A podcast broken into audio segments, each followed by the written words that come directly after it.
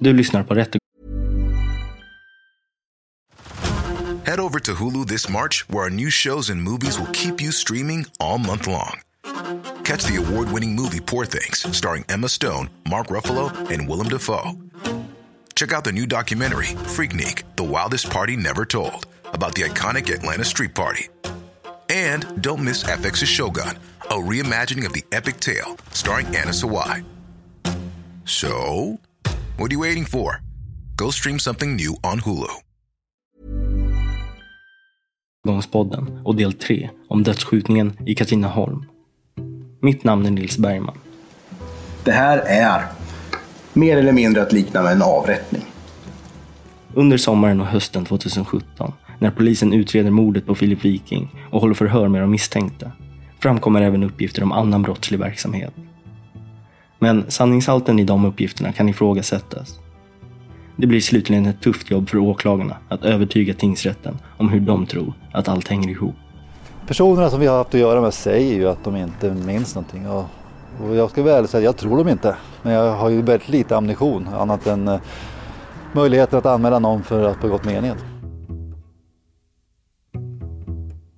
Ja, det är att eh, någon skulle kasta en handgranat ut vid polisstationen. Och eh, då blir det väldigt... Eh, alltså mina, mina barn känner väldigt mycket obehag eh, då. Om inte jag minns helt fel kan säga, så tror jag faktiskt att jag träffade honom på Harrys. Eh, det måste vara typ fem år sedan. Hon ville att jag skulle tvätta pengar åt henne. Därför att hon var trött på sitt ställe, hon hade jobbat i 30 år, hon gnällde. Och vad gäller Adnan Nisori önskar vi restriktioner fram till laga kraft. Den mannen har ändrat sig så oerhört många gånger och kommit med så oerhört många berättelser. Har dessutom en unik förmåga som vi ser sig att dels anpassa sig själv efter omständigheterna och också förmå andra människor att för hans räkning agera. Och det handlar ju som sagt om ett mycket allvarligt brott. 18 respektive 14 år i fängelse blev de längsta domarna i den så kallade Katrineholmshärvan när Nyköpings tingsrätt meddelade dom på tisdagen.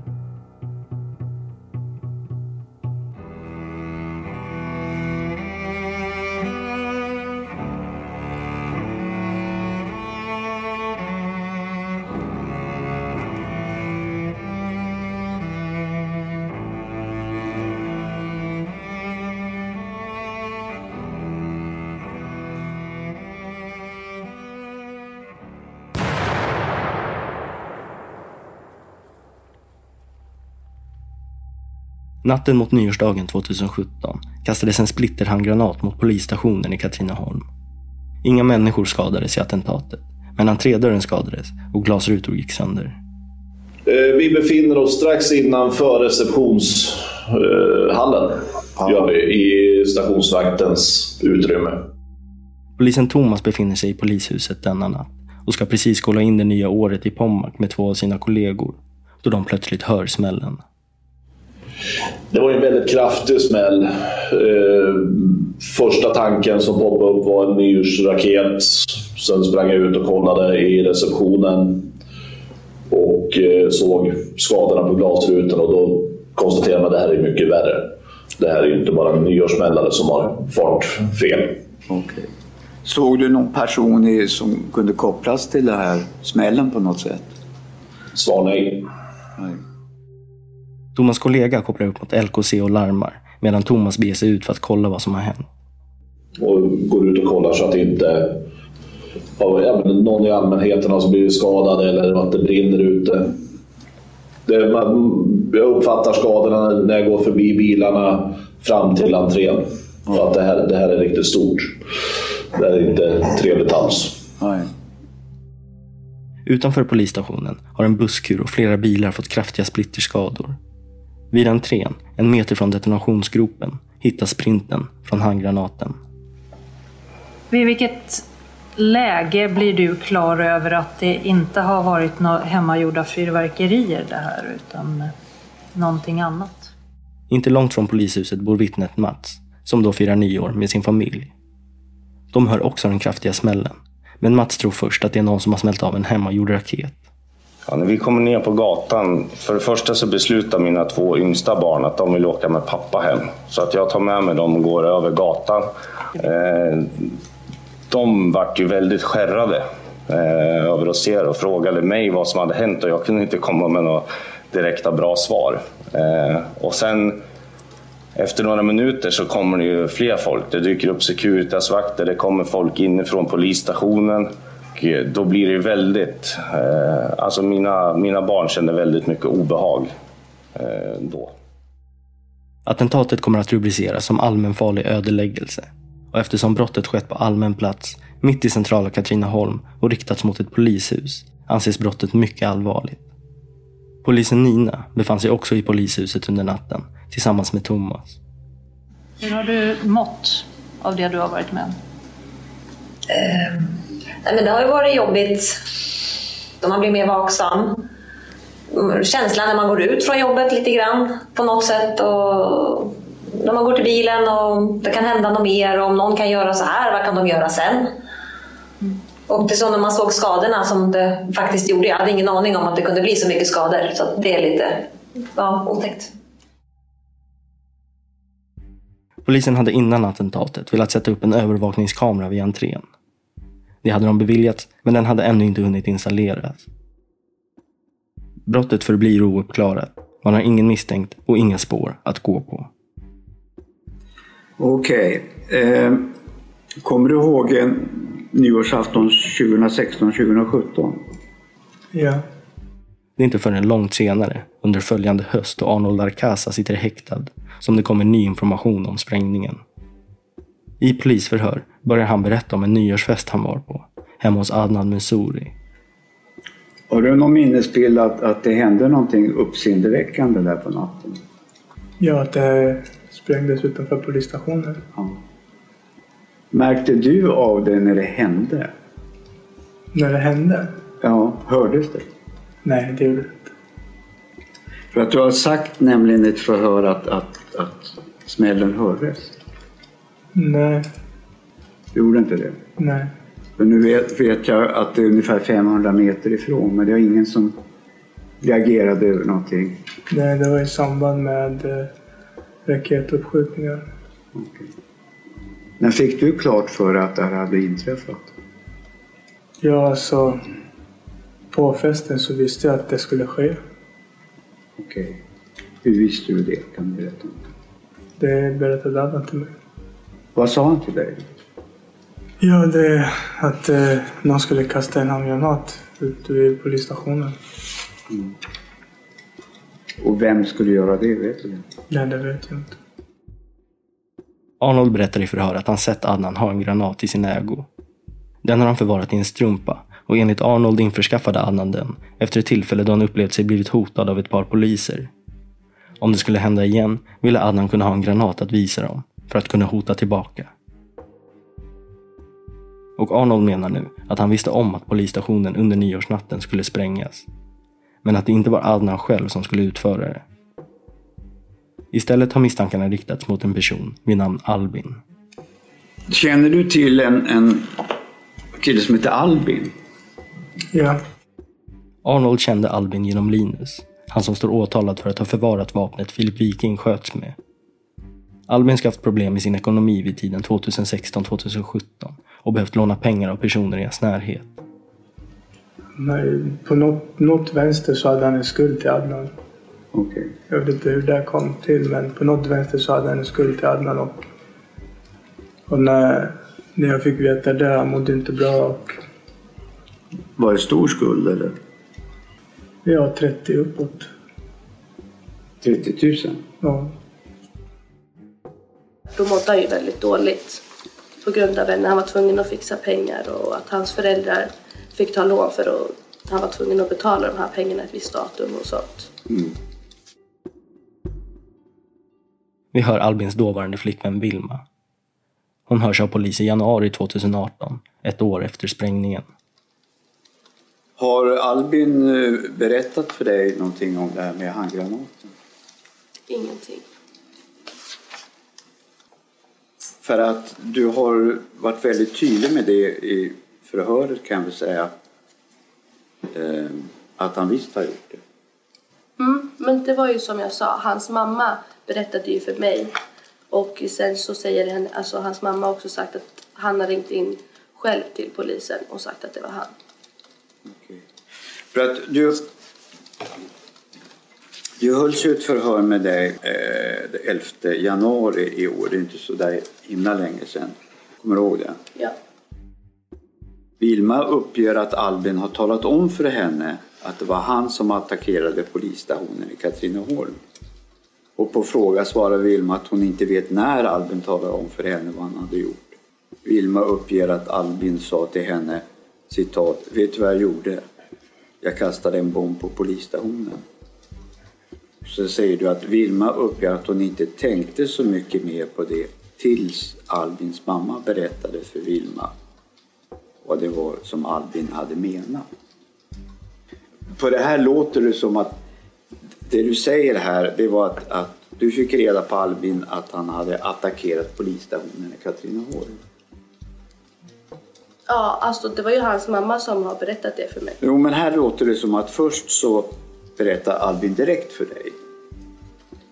Men då har det blivit något miss. För att hans mamma kom till mig när hon hade varit på förhör hos polisen och berättade det för mig. Och sen var jag på förhör. Okay. Och då berättade jag det för honom att det här berättade Sara för mig. Så det betyder att om jag läser precis det jag gjorde i början så är det totalfel då. Det står Vilma uppger att Albin har talat om för henne att det var han som attackerade polisstationen i Katrineholm. Mm. Det måste ha blivit, alltså för att han har inte aldrig sagt någonting till mig. Utan det är Albins mamma som har sagt. Mm. Okej. För att sen när jag hoppar ner till det jag läste upp förut. Vilma uppger att hon inte tänkte så mycket mer på det tills Albins mamma berättade för Vilma vad det var som Albin hade menat. Ja, så jag har ju vetat att det har hänt på polisstation. Ja, det är men så du inte menar. att det är han. Nej. Utan jag har ju hört det förr.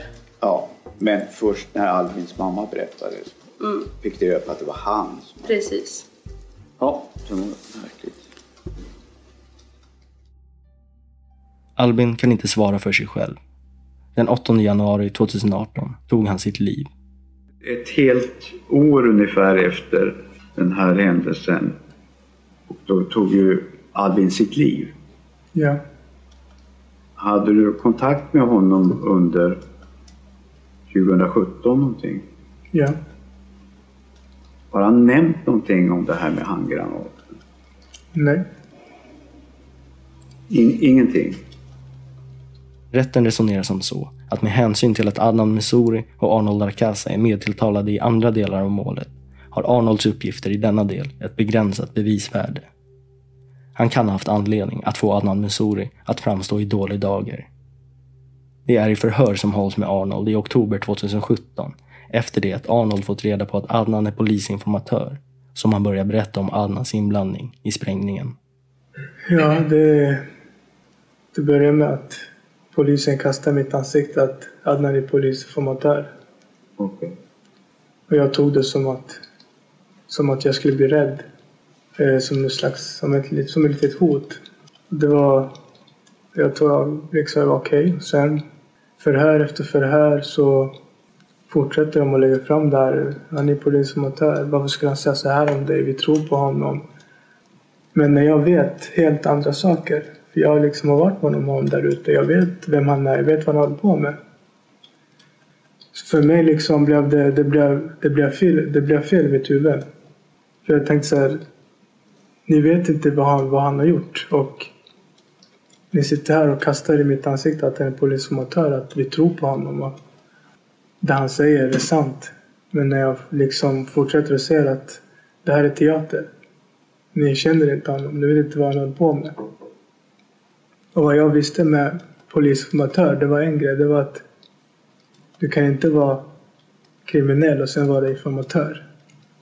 Det, först, det går inte ihop. Och sen tänkte jag liksom hur han lyckas med det. Också tänkte jag hela tiden. Hur han lyckas med allt det här. Men eftersom de fortsatte tjata om den här polisgrejen, polisgrejen så, så tog det stopp. Då tänkte jag, men okej, men om ni säger att ni tror på honom och att ni litar på vad han säger. Förklara då för mig varför han valde att spränga polisstationen. Mm. Det var därför. Och då började det bli annorlunda. För då liksom... För de hade inget annat innan. De hade inget, inget att gå på. Det fanns ju inget. Men det var därför jag valde att säga det. För att bevisa att han har varit polismatör, okej. Okay, men han har varit 100% kriminell. Jag vet det. Du menar att han har spelat i två lag samtidigt? Precis. Så småningom får du också reda på att han är misstänkt och nu är mer åtalad för att eh, ha våldtagit din flickvän. Ja. ja. Hur kändes det att få kunskap om det? Ja, det kändes inte bra. Nej. Förändrades dina känslor för Adnan då? Nej. Nej. Adnan Messouri står också åtalad för våldtäkt mot Arnold Arcazas flickvän. En åtalspunkt som Adnan kommer att frikännas från. Målsägandets förhör i tingsrätten skedde bakom stängda dörrar och vi ska inte gå in så mycket på denna punkt. Men enligt åtalet ska Adnan ha tvingat målsägande A till samlag genom att fysiskt betvinga henne, genom att hålla fast henne samt uttala hot med innebörden att hon skulle komma att skadas om hon vägrade göra som han sa. Det hände vid tre tillfällen under perioden 16 mars 2017 till den 15 maj 2017 på Tegnérvägen där Adnan bor och på ytterligare en adress i Katrineholm. Vid ett av tillfällena har målsägande A åkt hem till Adnan i tron om att hennes pojkvän Arnold är där, men möts istället av en ilsken Adnan som såg ut att vara hög på kokain. Han säger till henne att hon inte borde vara med Arnold utan med en riktig man. Han knuffar ner henne i en soffa och utför en fullbordad våldtäkt. Adnan ska ha sagt, så här känns det att knulla med djävulen. När han var klar säger han att ingen kommer att tro på en hora och tillägger, du vet vad jag är kapabel till. Det blir ett skott i huvudet på dig eller Arnold om du säger det här till någon. Därefter cyklade hon hem och duschade. Arnold Aracasa. Jag känner honom. Du känner honom? Ja, alltså, jag känner honom. Både han och... Nu har jag hört, om vi pratar om Aron Alcaza, han är smutskastad mig totalt och sågar benen av mig här i rätten, även sina förhör. Det är en kille som har lekt med mina barn. Och det, är en, och det är samma kille också idag som anklagar mig för mord, granatkastningen och hans flickvän för tio våldtäkter. Mm. Arnold anklagar måhända Adnan för våldtäkterna nu. Men det var inte genom Arnold uppgifterna om våldtäkterna kom till polisens kännedom.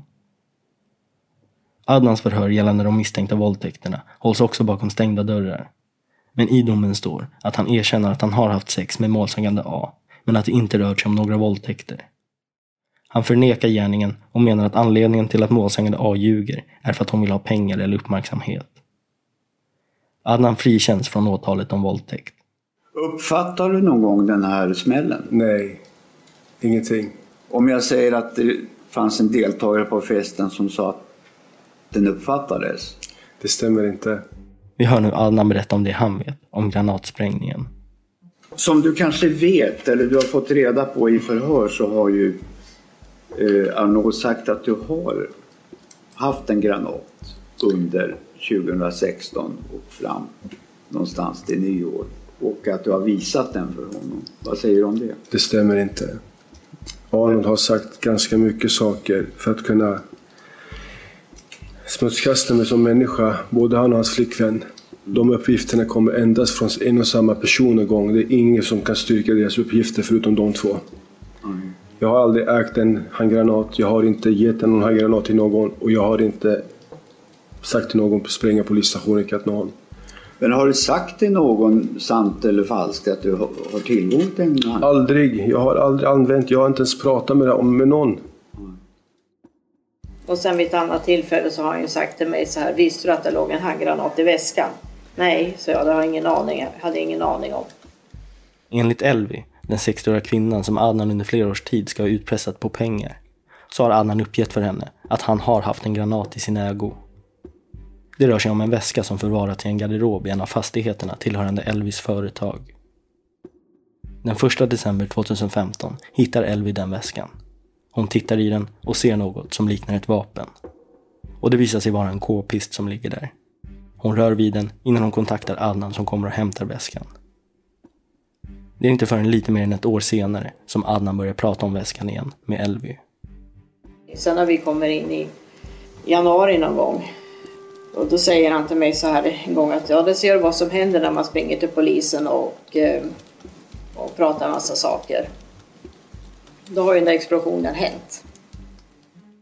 Bara några dagar efter att polishuset i Katrineholm utsatts för sprängningen och blossat upp till en stor nyhet kontaktar Adnan Elvi och säger “Där ser du vad som händer om man kontaktar polisen”. Vid den tiden har Adnan då fått reda på att Elvi och Gunnar är i kontakt med Tommy Lindström som utreder den utpressning han tror att Adnan bedriver. Just det. Och då berättar du att, att det var något tal om någon väska och då får du backa tillbaka i tiden vad jag förstår. Ja. Kan du berätta om det? Det här med väskan och vapnen och... Ja, för jag, har ju, jag vet ju inte vad den innehöll. Men han sa, visste du att det innehöll en handgranat? Och då sa han, nej det hade ingen aning om.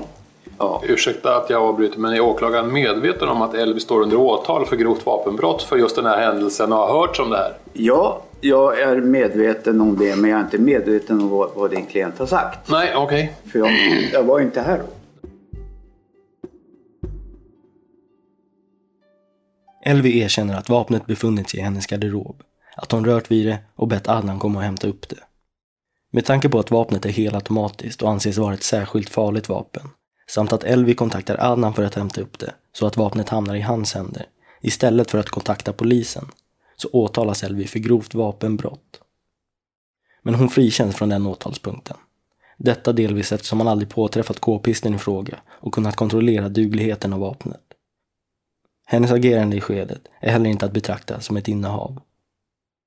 Adnan erkänner även han sin delaktighet i vapenhanteringen, men han döms däremot för vapenbrott, då hans hantering av vapnet har varit mer omfattande. Någon handgranat såg dock aldrig Elvi i väskan, men efter att sprängningen mot polishuset inträffat berättar alltså Adnan för Elvi att en handgranat funnits där. Så att det här är alltså två saker. Dels att han påstår att i väskan har det funnits en handgranat som du aldrig har sett.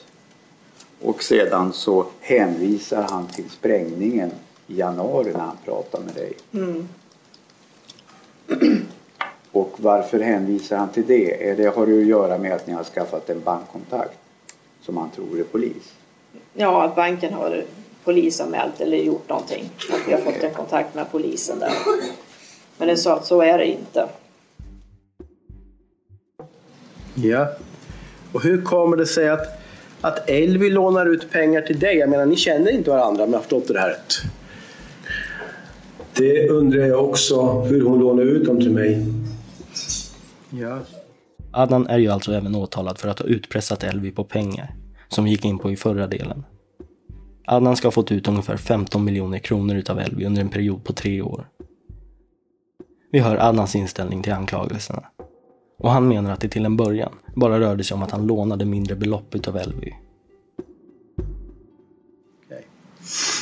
Sen fortsätter det att rulla på. Det är ganska mycket pengar som kommer i, i juli månad. Uh, i, det kommer 6 juli, 7 juli, 16 juli, 31 juli. Är det ytterligare lån som du behöver då? Eller var, var kommer de pengarna ifrån? Jag kan säga så här. Jag har hört, vi har hört Elvi prata och, och många andra, precis som Elvis advokat sa. Många kan sitta där och hitta på saker. Det gäller eventuellt henne också. Hon ville att jag skulle tvätta pengar åt henne. Därför att hon var trött på sitt ställe. Hon hade jobbat i 30 år. Hon gnällde. Jag kom förbi där flera gånger. Satt mig och fika på hennes ställe. Hon åkte inte hem till Gunnar. Hon valde att komma hem till mig istället efter jobbet. Hon var trött på allting. Det var, hon var trött på att ingen av syskonen hjälpte till där hemma. Så hon ville att jag skulle tvätta så skulle hon konka företaget. Det var så det var bestämt. Så du skulle tvätta pengarna? Ja. Hur skulle du göra det? Genom att ha ett Unibet-konto, där eh, göra en omsättning på att det är vinst. Och när man får vinstpengar, ja då kan man skicka in till bankerna och bankerna kommer inte ifrågasätta var de här pengarna kommer ifrån. För de ser att det kommer från ett spelkonto och det är inte olagligt. De kan aldrig hindra vinnande eh, alltså pengar som man vinner, vinster. Men Unibet-kontot öppnas ju först i mars 2016. Ja, det stämmer. Pengarna som kom innan dess då? Jag, jag lånar pengar av henne. Okej. Vad, vad, vad skulle du ha dem till? Jag lånar, jag sa att jag behöver, jag ska öppna ett fik och jag behöver det ena efter det andra. Och ärlighetens namn, jag spelade. Mer eller mindre, det gjorde jag en stund. För jag har ett, en sjukdom precis som min advokat säger. Det var en sjukdom, man ser inte sina fel, man ser sitt behov. Men hur kom ni i kontakt med varandra första gången, du och Elvy? Ja, hon har ett ställe mellan Katrineholm och Vingåker och jag är fotbollstränare i Vingåker så jag åker förbi Baggetorp där förbi stället. Jag har varit där och handlat förr men hon har inte känt igen mig. Så sen kom hon, satte sig där, vi började prata. Hon började prata om sin son. Det var så det började. Hon pratade om sin son? Ja, att han, det var jobbigt. Han hade suttit och bla bla och dittan och dattan. När förstod du att det var Andreas pratade om då? Visste du, därför att, visste du att det var hans mamma från början? Eller? Nej, nej. Andreas är Elvis son och den mördade Filip Wikings nya flickväns exman. Han är åtalad för att ha anstiftat mordet på Filip Viking.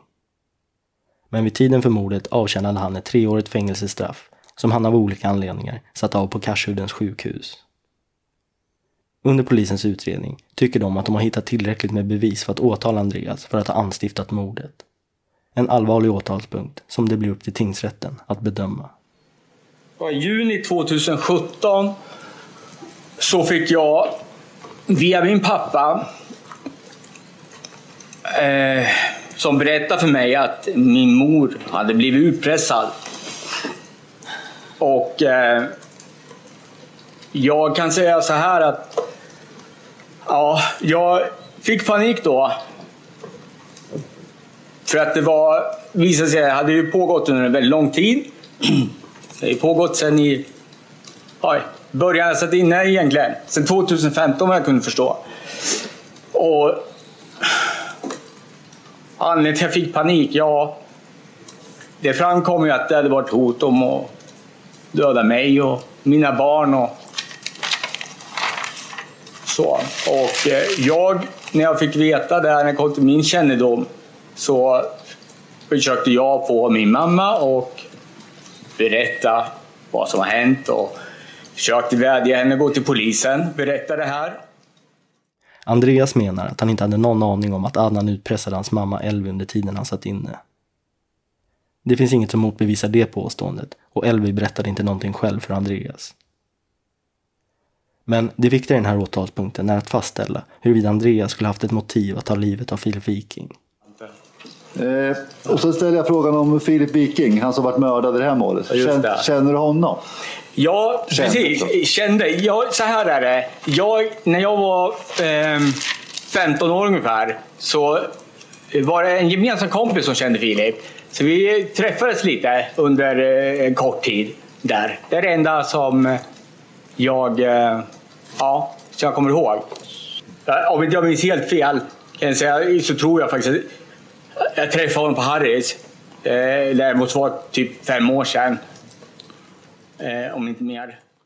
Enligt Andreas träffades de flyktigt under sin ungdom. Åklagaren går vidare med att fråga hur Andreas relation med hans exfru Ida varit. Alltså relation. Jag kan ju säga så här. Jag, jag är ju glad idag att jag får träffa mina barn. Är jag. Att jag får ta kontakt med dem. Eh, Min fråga blir mer Andreas, Ida satt ju här för några veckor sedan Ja, jag och beskrev, vet. beskrev hur äktenskapet var. Var det en be- riktig beskrivning hon hade? det får ju stå för henne. Får det göra. Jag tänker inte lägga någon värdering i det. Men var du svartsjuk? Nej, jag tycker inte det faktiskt. Kontrollerande? Nej, jag tycker inte det. Jag vet att det är att prata om det, men det stämmer inte. Nej. Ja, det, det, du har ingen sån uppfattning? Så din uppfattning är att Idas beskrivning var fel helt enkelt? Det får ju stå för henne. Ja. Åklagaren påstår att Andreas i februari 2017 ska ha haft besök av Ida och deras gemensamma barn. Och att han då genom ett av barnen ska ha fått reda på Idas nya förhållande med Filip. Andreas förnekar inte att mötet ägt rum, men har inget minne av att Filips namn nämnts. Och han säger att även om Filips namn hade nämnts, hade han inte blivit upprörd. Och jag har sagt det hela tiden också. Jag hörde ingen namn och jag, som sagt, jag hade inte fått... Just då så reagerar de inte så himla mycket överhuvudtaget. Jag menar, barn säger ju... Ja. Barn är barn. Och jag menar... Ja, man försöker få det där liksom att gå runt och man tänker efteråt. Nu i det här, men ja, nej, jag hörde ingen namn och jag... Eh, Ja, hon hade inte informerat mig om något, något förhållande heller.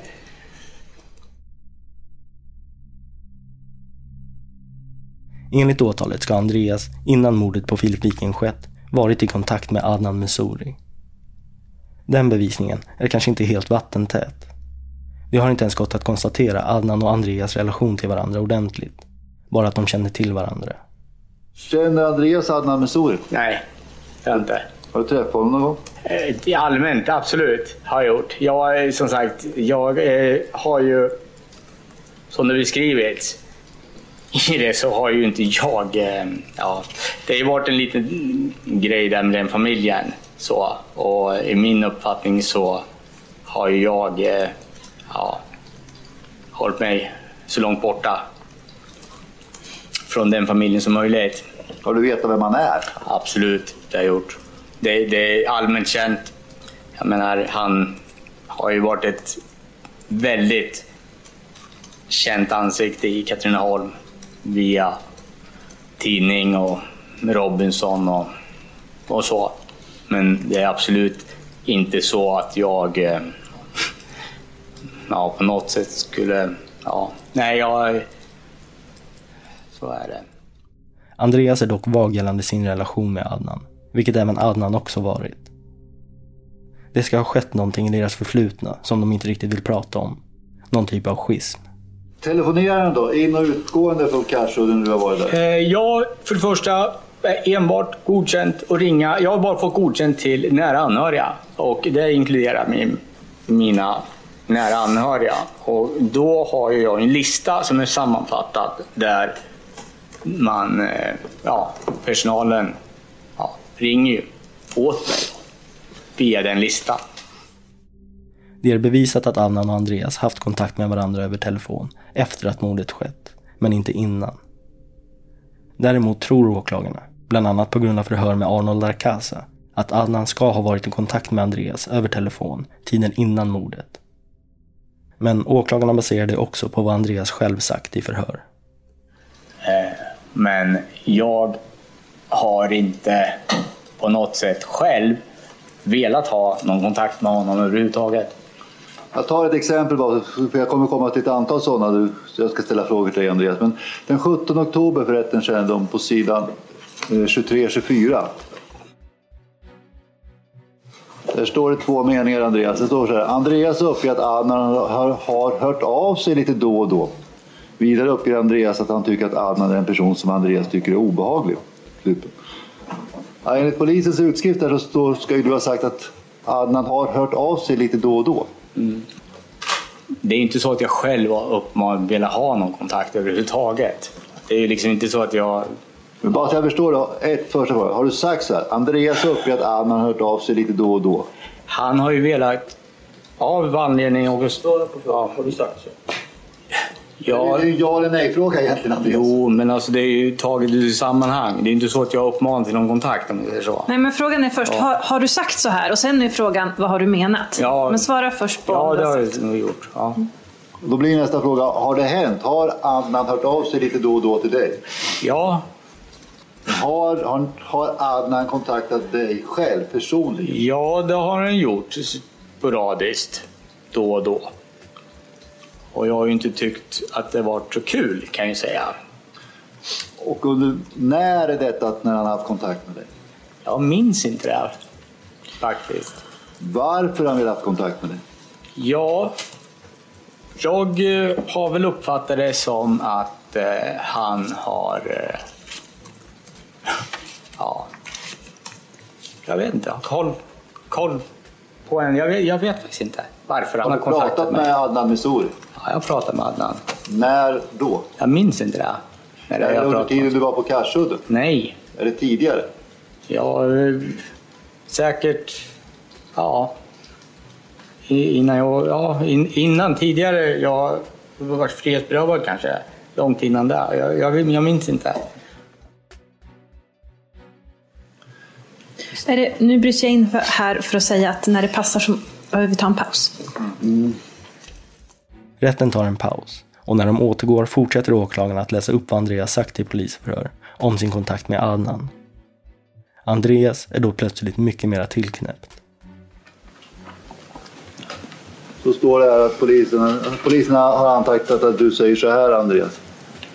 Förhörsledaren påtalar att det är viktigt att Andreas berättar om det är så att Adnan har ringt till Andreas. Andreas säger att det finns anledning att han inte säger någonting om citat de där människorna. Han säger att han är livrädd och rädd för att något ska hända hans familj. Något. Han säger vidare att de här människorna har varit i hasorna på honom länge. Anledningen till att det skulle vara efter honom är för att han levt ett citat jävla, jävla äckligt liv, slut citat, säger han. Har du sagt så här till poliserna? Jag vet inte. Vet inte. Jag säger att du är livrädd för något. Att det är människor som är hasorna, hasorna på dig. Ja, nej, jag vet inte. Du vet inte? Nej. Känner du någon av Ad- Adnan Mesuris kamrater? Nej. Känner du om någon av Adnan Mesuris kamrater jobbar på Karsudden? Vet inte. På sidan 2360, sista stycket, samma förhör. Tredje meningen. Efter en stund tystnad säger Andreas att han känner folk som sitter på Karsudden samt att han känner folk som jobbar där. Har du sagt så till polisen? Det är för bara uppgift som kom från min mor. Det har jag ju svarat på också. Det. Är det någon person som du har blivit kontaktad av på Karsudden? Nej. Känns det Andreas som att du är rädd för någon? Jag vet inte. Du vet inte?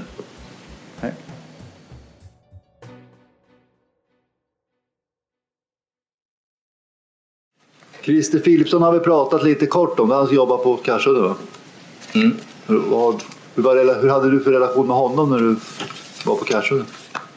Nej, inte haft en relation så. Dagen efter att mordet på Filip Viking skett ska Andreas ha pratat med en av de anställda på sjukhuset. Träffades ni på grund av att du var, var på Karsudden som patient? Eller? Ja, han går runt på avdelningar där, på olika avdelningar ibland. Okej. Vet du vad han har för arbetsuppgifter? Nej. Om jag förstod det rätt så hade du pratat med honom på den 15 maj 2017 på Han, pra, han pratade med mig. Han pratade med dig. Vad ville han? Han berättade att polisen ringt kanske. Berättade han varför de hade ringt? Eh, för man fråga om permissioner och så. Hade ni någon dialog eller var det, en, var det, bara, var det bara Christer som pratade? Ja, han berättade det. Jag minns inte riktigt. Eh, Han får berätta det själv. Men eh, jag minns bara att eh, han berättade, det var han som informerade mig. Att polisen hade ringt. Sa du någonting till honom? Inte vad jag minns. Nu, jag jobbar som pool så jag hoppar runt lite men jag kanske kom till den avdelningen där han satt då. Vi hör Christer, som i polisförhör berättat om vad Andreas då berättade för honom.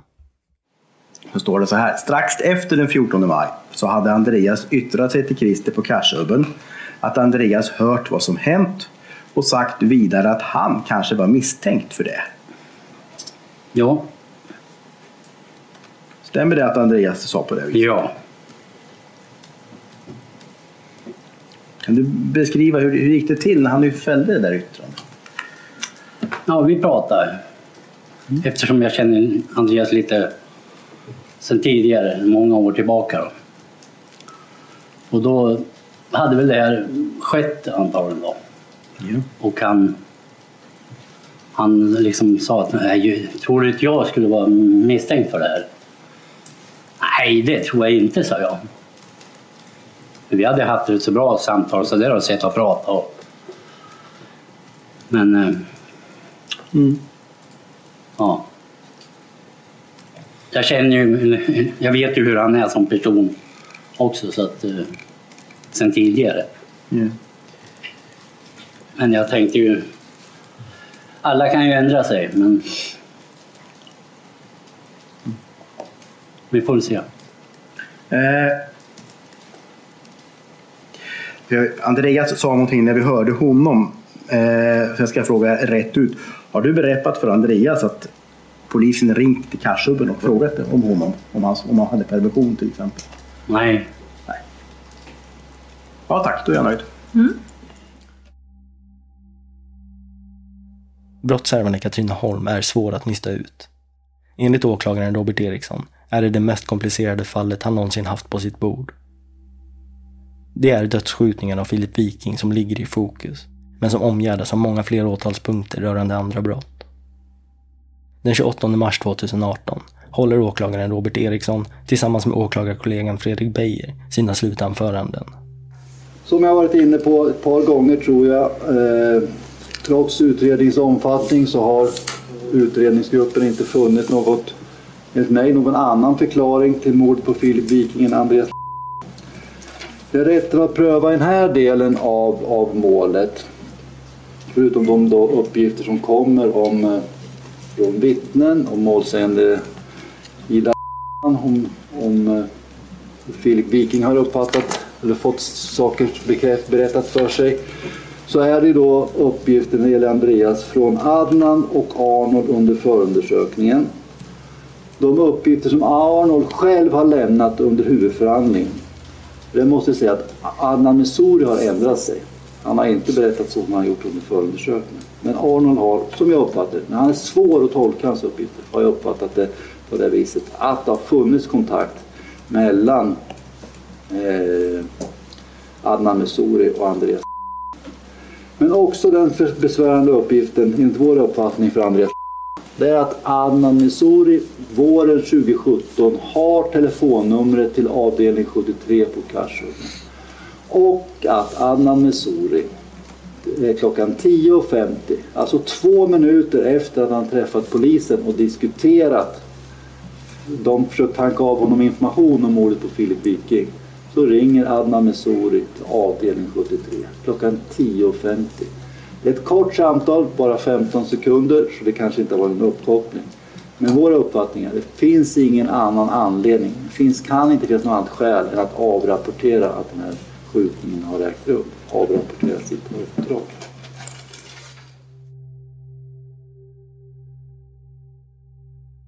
Det här håller inte för tingsrätten. Det är inte ställt utom allt rimligt tvivel att Andreas förmått någon att döda Filip Viking. I domen står därför att Andreas ska frikännas från det åtalet. Till åklagarnas försvar har de under tingsrätten haft stora svårigheter med att förhöra vissa vittnen. Vissa av dem viktiga. När vittnena tidigare hörts av polisen har det framkommit intressanta uppgifter som åklagarna då vill att de även berättar om i rättssalen. Men då har det hänt något som gör att de plötsligt har mycket sämre minne. Alltså, jag, jag, jag, vet, jag, vet, jag vet inte faktiskt. Jag, Du kommer inte ihåg det? Nej. Det, vet, jag- det kommer jag faktiskt inte ihåg. Har du sagt så till polisen Magnus? Jag minns inte faktiskt. Nej, Nej. Har du sagt fel till polisen? Eller? jag vet inte. Men har du någon minnesbild att man har ställt frågor om dig om ett speciellt telefonnummer? Nej, Har du någon minne av att du fått någon fråga om ett telefonnummer? nej, Har du sagt så till polisen? jag minns inte.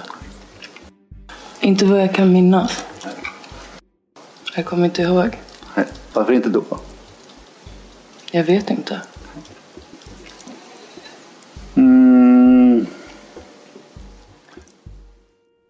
Vi hör åklagaren Robert Eriksson kommentera det här fenomenet i en intervju för SVT. Ja, det är ju ett eh, jättestort problem för hela rättsväsendet. Rättsväsendet krackelerar ju om vi inte har folk som kommer hit och berättar det de vet. Då får vi ju jättesvårt att eh, beivra brottslighet. Är det rimligt att man lämnar uppgifter i en mordutredning och sen plötsligt har glömt allting till eh, rättegången? Rimligt är väl svårt uttryckt. Jag, vi- personerna som vi har haft att göra med säger ju att de inte minns någonting. Och, och jag ska väl säga att jag tror dem inte. Men jag har ju väldigt lite ammunition annat än eh, möjligheten att anmäla någon för att begått mened. Det skulle gå att åtala några av de här personerna för mened. Men åklagaren menar att någon annan åklagare då bör göra det eftersom han själv och hans kollega i sådana fall skulle behöva figurera som vittnen. Mm. Finns det någonting som eh, tyder på att de här personerna kan ha påverkats på något sätt, haft påtryckningar på sig? Där har ju polisen sagt att de inte har hittat något sånt och jag vet inte men eh, det, det, nej, jag kan inte svara på den frågan. Vad tycker du om att vara här och vittna idag? Hur känns det? Nervöst eller obehagligt eller okej? Inget speciellt. Inget speciellt? Nej. Nej. Men när det gäller själva dödsskjutningen av Filip Viking kommer åklagarnas yrkanden, åtminstone i några åtalspunkter, att gå deras väg. I stort sett. Det här brottet har föregåtts av en omfattande planering. I princip påbörjas det senast 12 maj, två dagar innan, när man faktiskt kontaktar Filip Viking. Men det har troligtvis påbörjats redan innan. Filip Viking han har kontaktpass, han har lurats ut till den här platsen. Man har hämtat ett vapen som har körts dit och antagits med till det här mötet. Det var inte så att man råkade ha vapnet med sig bara. Och han är skjuten med sex skott. Där utifrån hylsornas placering skytten i princip har stått stilla. Och bara skjutit. Vi vet utifrån hur kulorna har träffat Filip Viking att han med största sannolikhet har varit i rörelse. Det här är mer eller mindre att likna med en avrättning. Och det finns troligtvis, i vart fall för Adnan Misoris del, ekonomiska motiv bakom det här mordet. Han har haft en utpressningshistoria där han har fått stora summor pengar som har upp, han inte längre får några pengar. Penningflödet har upphört. Och jag tror att min kollega uttryckte det som att han vill att penningkramen ska återöppnas. Nu får han nya motiv som man kan använda sig av för att få mera pengar. Alltihopa det här visar sammantaget att det här har varit så pass hänsynslöst att straffvärdet är livstidsfängelse. Om rätten inte delar min uppfattning på den punkten så är det i vart fall 18 års fängelse för det här mordet. Och vad gäller Adnan Nisori önskar vi restriktioner fram till laga kraft. Den mannen har ändrat sig så oerhört många gånger och kommit med så oerhört många berättelser. Har dessutom en unik förmåga som vi ser sig att dels anpassa sig själv efter omständigheterna och också förmå andra människor att för hans räkning agera. Så att det fortfarande finns sådan kollisionsrisk. Och det handlar ju som sagt om ett mycket allvarligt brott. Så där önskar vi restriktioner även efter det att dom kommer i det här målet. Han har ett skyddsbehov som gör att det kan finnas alla skäl för honom att hålla sig borta och lämna landet. Utifrån att det har kommit fram att han har varit polisinformatör. Mirali döms till skyddande av brottsling och grovt vapenbrott till fängelse i en månad. Linus döms för skyddande av brottsling och grovt vapenbrott till fängelse i ett år. Eddie och Fredrik frikänns för mordet på Filip Viking. Bevisen räcker helt enkelt inte till för att det ska vara ställt utom allt rimligt tvivel att de varit delaktiga i mordet eller planerandet av mordet på Filip Viking. Detsamma gäller dock inte för skytten Arnold Arcasa. Utöver det som har framkommit i utredningen från vittnesuppgifter så påträffades det på mordvapnet DNA som enligt NFC talar extremt starkt för att det kommer från Arnold Arcasa. Han döms därför av tingsrätten för mordet på Filip Viking till fängelse i 18 år. Adnan Missouri döms för medhjälp till mord, men också för grovt bedrägeri, utpressning, grov utpressning och grovt vapenbrott till fängelse i 14 år. Och han frikänns från åtalet om anstiftan av allmänfarlig ödeläggelse. Granatsprängningen mot polishuset i Katrineholm förblir än idag ouppklarad. Adnans dom rörande utpressning har redan vunnit laga kraft. Men flera av de tilltalade och även åklagarna har överklagat många av domarna till hovrätten. En 22-årig man från Katrineholm frias av hovrätten för mordet på en 35-årig man på Östra skolan i Katrineholm i maj förra året. I tingsrätten dömdes han till 18 års fängelse. Hovrätten anser att det inte står utom rimligt tvivel att 22-åringen dödade 35-åringen och därför frias han. Däremot döms han för grovt skyddande av brottsling, grovt vapenbrott och penningtvättsbrott till sammanlagt 2,5 års fängelse. För en 41-åring skärper hovrätten domen från 14 år till 14 år och 9 månaders fängelse för medhjälp till mord och en rad andra grova brott. Fredrik Blomberg, P4 Sörmland. Du har lyssnat på Rättegångspodden och om dödsskjutningen i Katrineholm. Mitt namn är Nils Bergman, ansvarig utgivare är Jonas Häger. Stort tack till alla er som lyssnar. För att lyssna på dina sparade meddelanden, tryck 1. Tja Nils. Jag vill bara säga att eh, de här poddarna är fan det är bland det bästa jag någonsin hört. Alltså, det är så jävla bra. Eh, jag älskar hela... Liksom, du är så jävla grym på att hitta rätt musik och det är bara... Åh, det är så jävla bra. Jag uppskattar det så fan. Fan, eh, fortsätt, eh, fortsätt göra så jävla bra jobb. Bra, okej. Tja.